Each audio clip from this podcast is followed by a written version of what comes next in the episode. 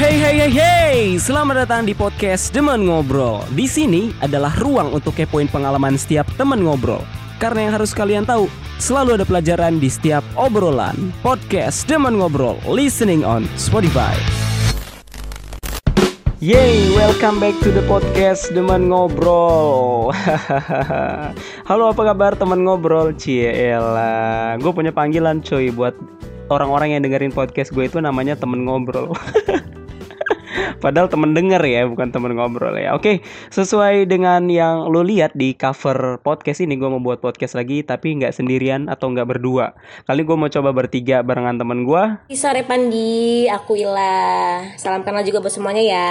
Dan satu lagi, Halo, apa kabar semuanya? Kenalin, nama gue Lutfi. Salam kenal ya semua. Lutfi One Piece itu ya? Bukan bang, bukan. Oh bukan. Jadi kita mau ngomongin apa nih? Iya.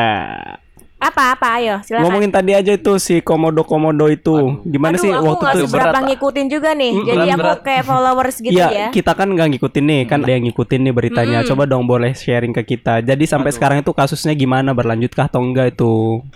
Kalau untuk itu sih sebenarnya masih berlanjut. Jadi tetap tetap dilaksana laksanain Lu itu. maju lagi cuy.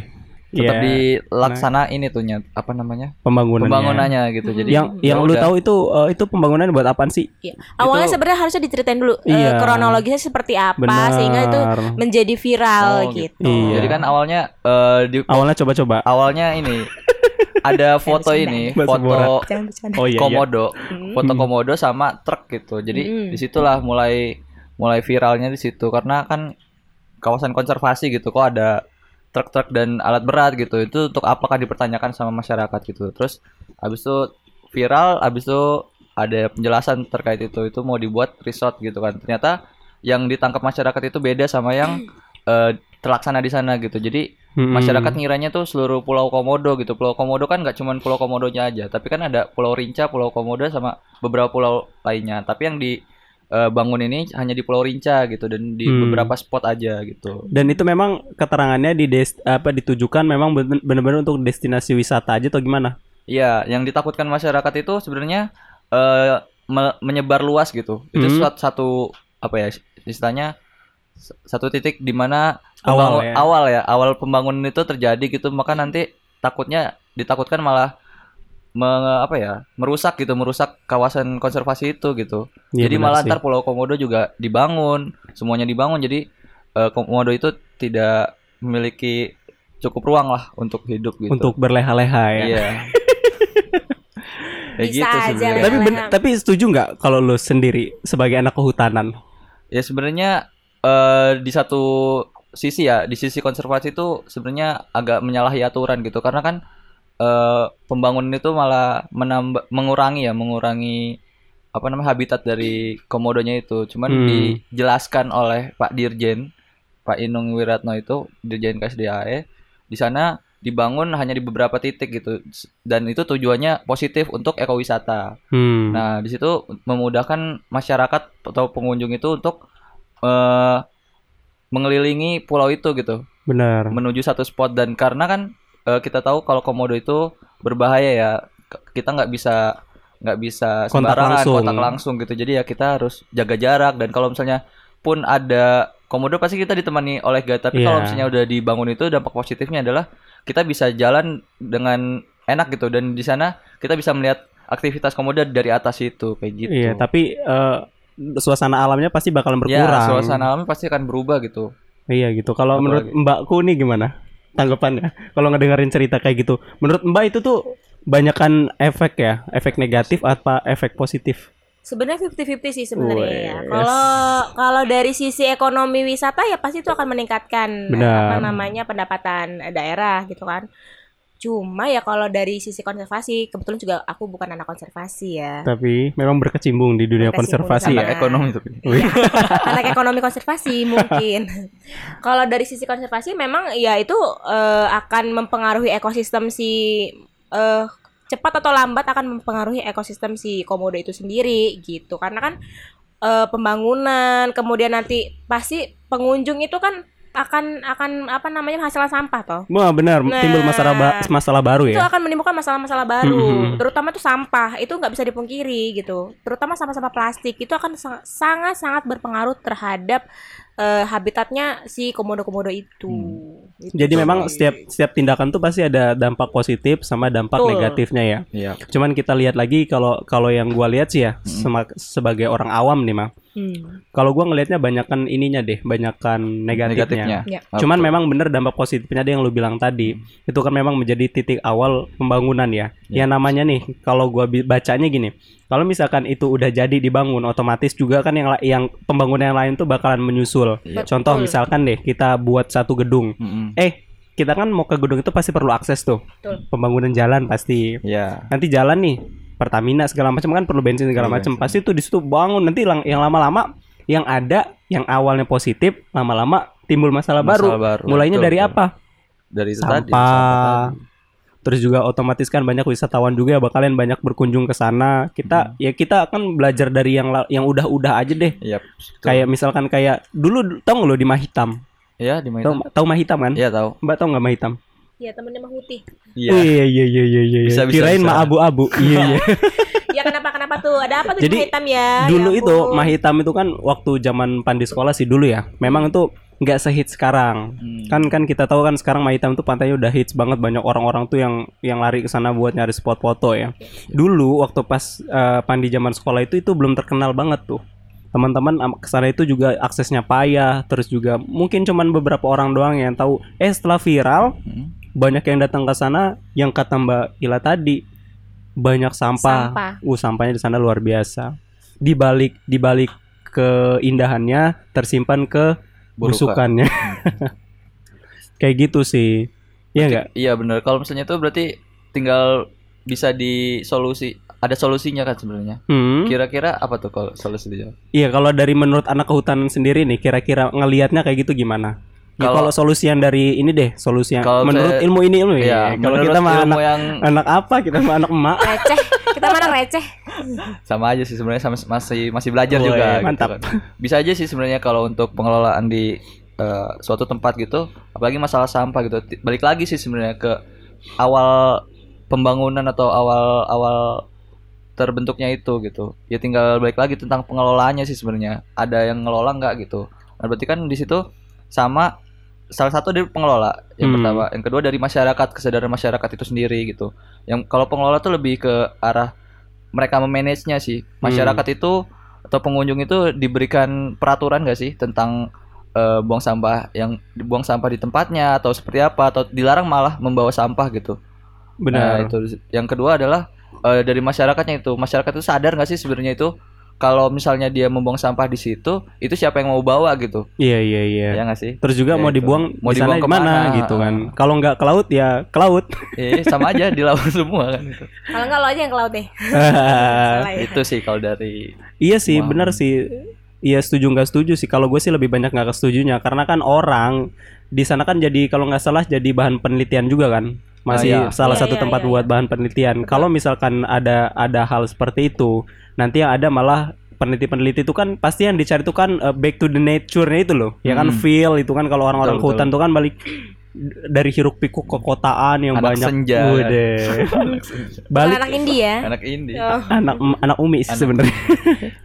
Kalau kalau kata gue tuh tadi bakal mengurangi itu ya estetika keindahan alamnya gitu ya. Terlebih walaupun di situ banyak pembangunan fasilitas baru tapi bagaimanapun itu alam tempatnya ya bakal lebih bagus itu Ya, ya alami, udahlah alami, ya. aja ya kan Betul, betul. karena ya udah banyak yang kita tinggal di kota balik ke sana juga memang ada ada benernya cuman ya balik lagi bakalan banyak mudorotnya kayak gitu Mantap. kalau dari sudut sekali. pandang ibu bagaimana bu Kalau ya kita kita apa nggak akan bisa memungkiri bahwa kita nih di era Globalisasi. Iya globalisasi, Hmm, ya kan 4,0 ya kan millennials dan apa namanya pertumbuhan eh, ekonomi semakin meningkat, kemudian juga pembangunan juga semakin meningkat gitu kan. Dan kalaupun memang ada apa namanya pembangunan segala macam, seharusnya ada kajian dulu sih sebelumnya. Jadi kita kaji dulu sebenarnya. Hmm. Itu yang paling penting. Jadi jangan asal-asal kita langsung bangun-bangun aja nggak nggak kayak gitu. Harusnya sih Harus dari dulu ya. pemerintah iya.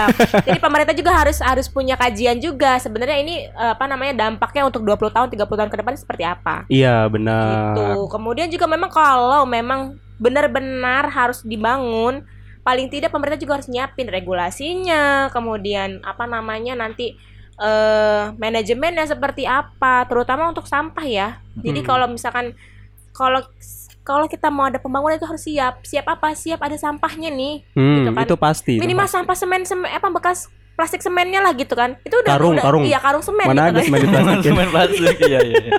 ya karung semen aja udah udah menimbulkan sampah gitu Benar-benar. kan. Nah, apalagi nanti sampah pengunjung, sampah ini ini itu gitu kan. Yang anorganik mau gimana? Iya. Kecuali kalau apa namanya organik, kita Hmm. bisa balikin lagi ke nature gitu Benar. kan. Tapi kalau yang anorganik itu bayangin aja sampah plastik itu 200 300 tahun aja belum bisa lebur gitu. Iya, dari zaman Napoleon Bonaparte Betul. sampai zaman Bapak Joko Widodo. Sampahnya masih ada. Masih ada, aja. Nah itu, yang Ya, penting tuh sebenarnya kajiannya. Kalau dirasa memang itu sudah tepat gitu kan, sebenarnya dan perilaku juga bisa bisa apa namanya bisa dirubah gitu dari yang suka buang sampah sembarangan jadi yang tertib sampah. Kemudian ada regulasi seperti peraturan-peraturan ya. Mhm. Nah jadi kayak misal eh, tata tertibnya Iya. itu lebih ditingkatin lagi aja. Hmm. Sebenarnya di negara-negara maju tuh kayaknya banyak juga loh yang yang gedungnya udah menjulang tinggi tapi Hmm? sampahnya tuh nol. Wow. Nah, itu Pandi gimana punya tuh? dua pendapat. Yang satu dia pinter menyembunyikan. Yes, ya. Yang kedua memang ada, ada, teknologi ada dong. teknologi, Ada teknologi. benar. Betul. kayak gitu. Ada juga yang memang dia negara maju tapi ternyata buangnya ke laut, Nah, terus juga ada yang Ada, ada, yang buangnya- diimpor, cuy, Iya, tahu buangnya nggak? ke Indonesia. Nah, Iya, itulah benar. itu Bantar maksudnya yang. Pandi bilang tadi itu itu mereka Sembunyikan ya. sembunyikan. Tapi kalau di Jepang kayaknya ada teknologi deh itu. Enggak usah jauh-jauh di Singapura aja. Iya, di Singapura. Nah, nah pengalaman nih. Gue deh. Wis, udah pernah ke Singapura ya, Mbak? Iya. Kok ngajak-ngajak sih? nyari Iya, iya, nyari iya, ini, iya. nyari apa namanya? Nyari siapa? Nyari. Nyari Upin Ipin beda Malaysia. Jadi kalau di sana tuh bener-bener ya eh, dari masyarakat sendiri kan memang kalau menurut penelitian kan IQ-nya juga udah, udah di atas 100 gitu kan. Itu untuk masyarakat sipil gitu kan. Bener-bener. Jadi nggak mereka kuat. memang pola perilakunya aja udah udah bener. Udah dari zamannya kecil juga udah udah udah ada pendidikannya bahwa Hmm. perilaku duluan tuh yang harus dirubah. Baru nanti ke pendidikan yang lainnya gitu. Oh, jadi di sana berapa lama, Mbak? Tujuh hari. Iya. Apa yang Tapi- didapat sih, Mbak? Boleh dong sharing ke sini Iya. sekalian. Iya. Oleh-oleh ya. Terus kok nggak masuk Siapa ke- tahu ada yang bisa diterapkan kan di Iya. Indonesia ini gitu. Yang paling penting adalah di sana tidak buang sampah sembarangan. Enggak, tapi sebelum kita lanjut eh, ngulik ke Singapura, Singapura. tadi Mbak Ila, ke sana itu tujuannya apa? Awalnya dulu. Apakah memang wisata doang atau memang Cuma ada ada vacation aja sih. Oh, iya iya iya. Gitu. Kira Tapi memang ada ada tujuan mau oh gua mau ada belajar ini nih, studi ini nih enggak gitu. sih, sebenarnya itu enggak sengaja, enggak sengaja. Wih, gila nggak sengajanya ke Singapura Berarti- cuy. Kalau gue dari rumah gabut nggak sengaja ke sini. Enggak di endorse juga sih sebenarnya. Oh, wih, udah di-endorse. Iya. Mantap. Karena nggak punya duit gue, nggak mampu ya Sama kan? sih kita juga. Iya, nggak mampu. Ajak-ajak kalau ada lagi, Mbak. Ajak aja, tiket Iya. membayar sendiri. Iya kali gitu kan. Ya jadi kalau setelah uh, nyampe sana tuh bener-bener dari bandaranya aja udah beda banget men sama Suta ya. Allah. Suta aja menurut gua udah bersih ya. Di sana Hmm. lebih bersih banget. Bersih banget. Gak ada debu berarti. Sumpah. Dan di sana itu kayak penyediaan air minum Hmm? itu di setiap sudut tuh ada. Jadi udah langsung layak minum aja gitu. Kalau kita kan kalau mau minum-minum air galon aja masih pusing ya. Oh, iya, benar, Karena ada benar. banyak air galon yang curah. Iya, air iya. curah itu gimana sih maksudnya ya? isi ulang, isi ulang. Ya isi ulang Isi gitu ya. Jadi kalau di sana tuh udah memang 100% tuh airnya tuh bagus. Tapi cuma nggak tahu sih mereka tuh dari mana ya ininya. Padahal sumber daya alamnya minim sekali. Tidak Ya, ada hutan itu di yang yang Singapura perlu yang perlu dikulik Keren banget ya. gak sih? Iya. Kayak gitu. Jadi terus mereka tuh kayak menci- menciptakan hutan kota gitu. Jadi kotanya Wow. emang kayak kita, men. Ya Allah. Kalau kita- nyamuk. Anjir banyak nyamuk. Hampir gak ditemuin tuh nyamuk di sana kayaknya karena saking bersihnya itu kota. Hmm. Oh, gitu. gitu. Di sana tujuh hari itu pengalaman kasat mata aja ya yang dilihat ya. Sampai ke dalam-dalamnya nggak? Eh, kebetulan saya kan pelancong-pelancong yang nggak punya duit ya. Iya iya iya. iya. Jadi saya kan punya kaki nih. Jadi Mm-mm. sebisa mungkin saya akan melancong lewat ya ya naik taksi itu sekali-sekali lah. Iya benar. Karena mahal, men. Iya benar. Iya kan? di sana mahal. Mahal. Di sini bisa bayar kosan sebulan ya. Waduh. Iya, na- naik MRT aja gue yang murah ya kan. Di sana tuh naik MRT. Jadi Heeh. satu satu tiket bisa untuk ke mana-mana. Hah. Jadi di sana eh, sudut rumah orang aja, dapur rumah orang aja kelihatannya eye catchy buat di buat Waduh. foto gitu. Saking memang mereka itu apa ya? memperhatikan, memperhatikan banget ya. banget, Jadi kebersihan lingkungan, kemudian estetikanya apa namanya gedung-gedung semuanya tuh diperhatikan sehingga mungkin itu yang menjadi daya tarik juga buat eh, pelancong-pelancong untuk pergi ke Singapura. Harusnya kita bisa belajar sih ya negara sebesar kita ini Betul. dengan negara se sebesar Pulau Batam ya nggak sih? Iya, iya, Iya iya, kan? iya, iya. Ya, Tapi betul. memang ada ada peribahasa mengatakan ya, uh sok-sokan, sok. Bukan peribahasa sih, Mantap. memang tuh? kalau misalkan orang banyak sama orang sedikit tuh lebih gampang mengatur Ngatur yang yang sedikit. kerja sama, Hmm. kerja sama Ah, oke. sama orang yang lebih sedikit. Hmm. Iya. Kalau kita kan memang berapa kita penduduk kita update update terakhir Mbak kita 200 berapa tuh udahan? 200 jiwa lebih ya, Iya, Ya? 1000 200 lebih. juta. Tapi kan 200 sensus ribu. penduduk yang 2020 belum keluar kayaknya Belum, hasilnya. belum Baru keluar. kemarin kan ya Ah. di sensus lagi ya. Nah, itulah karena ya itu tantangannya kita gitu lagi. Belum lagi kan kalau orang kita ini kan banyak kan ngeyel gitu. Hmm. Unik ya. Enggak maksudnya idealis sih Iya, orang-orang sih. kita ini bagus. Kultur kita juga memang beraneka ragam juga. ragam. Iya, Benar. iya. Kalau di sana itu Tapi enggak loh, Mbak. Kalau misalnya or- kalau cerita dari teman-teman yang udah pernah ke Singapura gitu ya. Hah? Di Singapura itu mereka nih ya dari Indonesia nih Hmm. suka buang sampah sembarangan, suka ngerokok sembarangan gitu. Nah, itu. Pas nyampe Singapura tuh malah beda, tapi kalau misalnya udah balik lagi sini sama lagi gitu. Kok bisa ya kalau kayak gitu ya? Karena peraturan. Mereka Peraturan ya? sangat Tegas sangat berarti ya tegas dalam peraturan. Eh, mohon maafnya buang ludah aja nggak ya? boleh, didenda. Hmm, Gitu. kalau kentut didenda nggak tuh? Kayaknya nggak Gak ada. kelihatan soalnya. Soalnya kasat mata. Iya kan? Jadi boleh Kecuali ada baunya. kan bisa dirasakan, cuy. gitu. Jadi memang di sana itu buang sampah pun atau buang-buang apa buang ludah dan sebagainya itu Ya, memang tapi kalau kata sekali, kalau gitu. kata gue ya kuncinya yang tadi Mbak Ila bilang adalah dari kecil dia memang udah ditanamkan tentang Hmm. perilaku. Iya. Etika Karena gitu, ya. sekuat-kuat apa pun, ya sehebat apa pun apa pun itu peraturan, sekejam-kejamnya apa pun itu hukum, kalau kembali lagi ke manusianya memang bandel dablek, ya podo wae. Benar benar. Ya kan setuju. kurang apa sih kayak kita di pinggiran kali itu, sekarang kan ada perda ya. Ya. Pinggiran kali itu pasti ada bukan apa? Plang-plang. plang. Ada plang, plang ada itu perda ya. nomor sekian nomor Hmm. sekian yang buang sampah di kali dikenakan denda 500 ribu atau penjara minimal enam bulan kalau Tapi nggak banyak salah. banget sampah di situ. Nasi goreng campur uduk. Nggak ngepek kan? gitu. Iya. Kayak keren banget ya Indonesia ini ya. Iya. Justru ada pelang segede gitu aja sampahnya se- senumpuk itu, Nah. apalagi nggak ada. Iya itu. Karena orang Indonesia punya prinsip Apa peraturan itu? untuk dilanggar, Nah. bukan untuk dipatuhi. Itu tuh sebenarnya Gimana Salah. itu cuy? ya? mindset yang salah dari nenek moyang kita nih kayaknya ini nih ya. Gimana ngerubah kayak gitu tuh ya? Balik Kalau- lagi dari awal itu. Wih, kita, Kalau- kita berhayal-hayal deh nih, Iya. kita berhayal sekarang. Kalau ya. berhayal gini, eh, berarti kalau kita udah salah, anak kita jangan salah. Cakep. Gimana cara lu mastiin anak lu supaya nggak salah, Mbak? Ya itu dari pendidikan dari usia dini. Jadi kalau misalkan dulu kita punya pengalaman pahit soal sampah yang yang yang sangat-sangat eh, apa namanya eh, merusak lingkungan dan kesehatan Hmm. ya ot- ya sebisa mungkin nanti anak cucu kita itu jangan jangan kita ajarkan untuk eh, buang sampah sembarangan kemudian juga kita harus peduli gitu istilahnya kalau mau buang sampah juga lu harus pilih pilih pilih, pilih dulu gitu anorganik organik sampah B3 lain sebagainya itu udah udah mulai kita terapkan juga dari perilaku perilaku kita ke anak-anak kita nanti Cakep. Gila Gitu. solusinya bijaksana memang Mantap ya Mbak kita ya. ini. Kasih plus. Wih. Kalau lu nih anak kehutanan bagaimana? Waduh berat. Pertanyaannya inget nggak tadi yang gue tanyain? Ini kan awalnya gimana cara ngerubahnya itu ya. Iya, kita kita menghayal lah, Hmm. menghayal aja. Kita berandai-andai. Saya setuju sih, saya nggak jauh-jauh beda dengan Mbak Ila tadi. Mm-mm. Ya dari Yang out of the box dong. dari kecil sebenarnya sih kalau misalnya ngelihat dari negara-negara maju tuh emang dari kecilnya tuh emang udah dididik benar gitu. Dididik untuk apa disiplin gitu. Nah di, di Indonesia ini kan emang karena apa ya unik lah ya. Di Indonesia ini unik gitu. Ya, jadi ya begitulah gitu karena banyak keunikan itu ya jadilah seperti ini intinya seperti saya ya intinya cuma satu sebenarnya lampu ya. Iya. dari dari kecil itulah di- udah di, di, di- dididik sih sebenarnya benar kayak kata Mbak Ila tadi barusan Iya, kalau kalau balik lagi juga ya, kalau menurut gua ya, didik kadang juga mana namanya manusia itu pasti ada titik Mm. capeknya, cuy. Ngedidik, ngedidik, ngomongin, ngomongin, tapi kalau membandel ya, tapi balik lagi itulah peran kita balik lagi ya. Eh, mencontohkan sebagai orang tua ya, kita contohkan peran kan eh, peran orang tua dalam eh, keberlangsungan hidup udah masa depan anak itu bisa juga sih jadi judul skripsi itu, cuy. Waduh, bisa bisa bisa. Tapi kalau gua, kalau gua berandai-andai, kalau misalkan sudah masalah terlalu rumit gua agak kejam. Karena gua bilang tadi out of the box aja. Kita kan ini berhayal-hayal nih, jadi Hmm. apa pun bisa kita lakukan ya. Iya. Kalau gua gua potong satu generasi. Gue curiga deh sama si Pandi Kenapa? Keturunan Hitler kayaknya dia. Emang secara paling ampuh emang sebenarnya juga kayak gitu. Cuman kan Nah. emang agak nggak manusiawi kan? Iya. Jadi kalau gua tadi adalah gua memotong satu generasi. Memang benar kata lu tadi, memang tidak manusiawi. ya. Iya. Tapi kalau misalkan sudah terlalu rumit, ya itulah. Cara paling ampuh. Tapi kita bakalan dicap Iya. sebagai raja Namrud kita. Iya benar. Karena ada peribahasa mengatakan kalau bisa dibina, dibina, kalau tidak bisa dibina, Dibinasakan. dibinasakan. Podcast Demen Ngobrol, listening on Spotify.